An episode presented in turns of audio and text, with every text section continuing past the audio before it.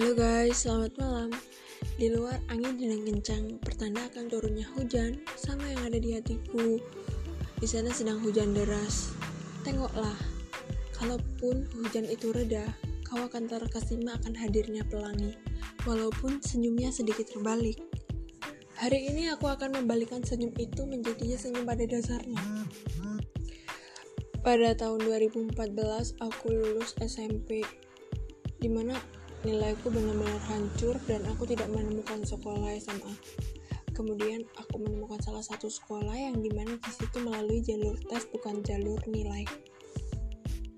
Aku tidak begitu suka karena itu bukan favorit aku dan aku tidak begitu nyaman karena tidak ada teman mengiringiku bersamaku.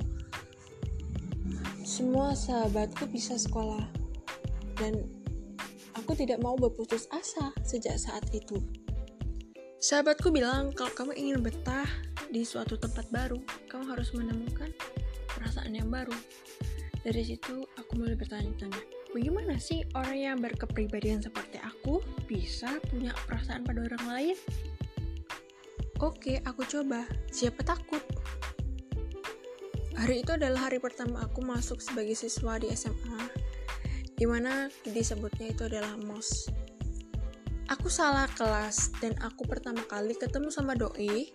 Dia adalah pria yang kurus dan menurutku bukan tipe aku banget. Tapi aku coba lihat karena bukan tipe aku jadi aku tidak tertarik. Justru aku malah tertarik sama kakak-kakak kelas yang mendisiplinkan adik-adik kelasnya. Sebut saja Tatip. Karena menurutku walaupun dia garang, dia disiplin. Pasti kepribadian aslinya tidak seperti itu. Nah, mulai dari situ aku mulai semangat sekolah. Memang terdengar salah karena tujuanku sekolah bukan untuk mencari ilmu, tapi untuk mencari perasaan dan betah di situ. Aku akan ceritakan tentang dia, Tatip, dan Doi. Hanya ada di segmen selanjutnya ya.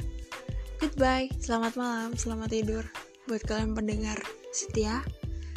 Thank you very much. Terima kasih banyak.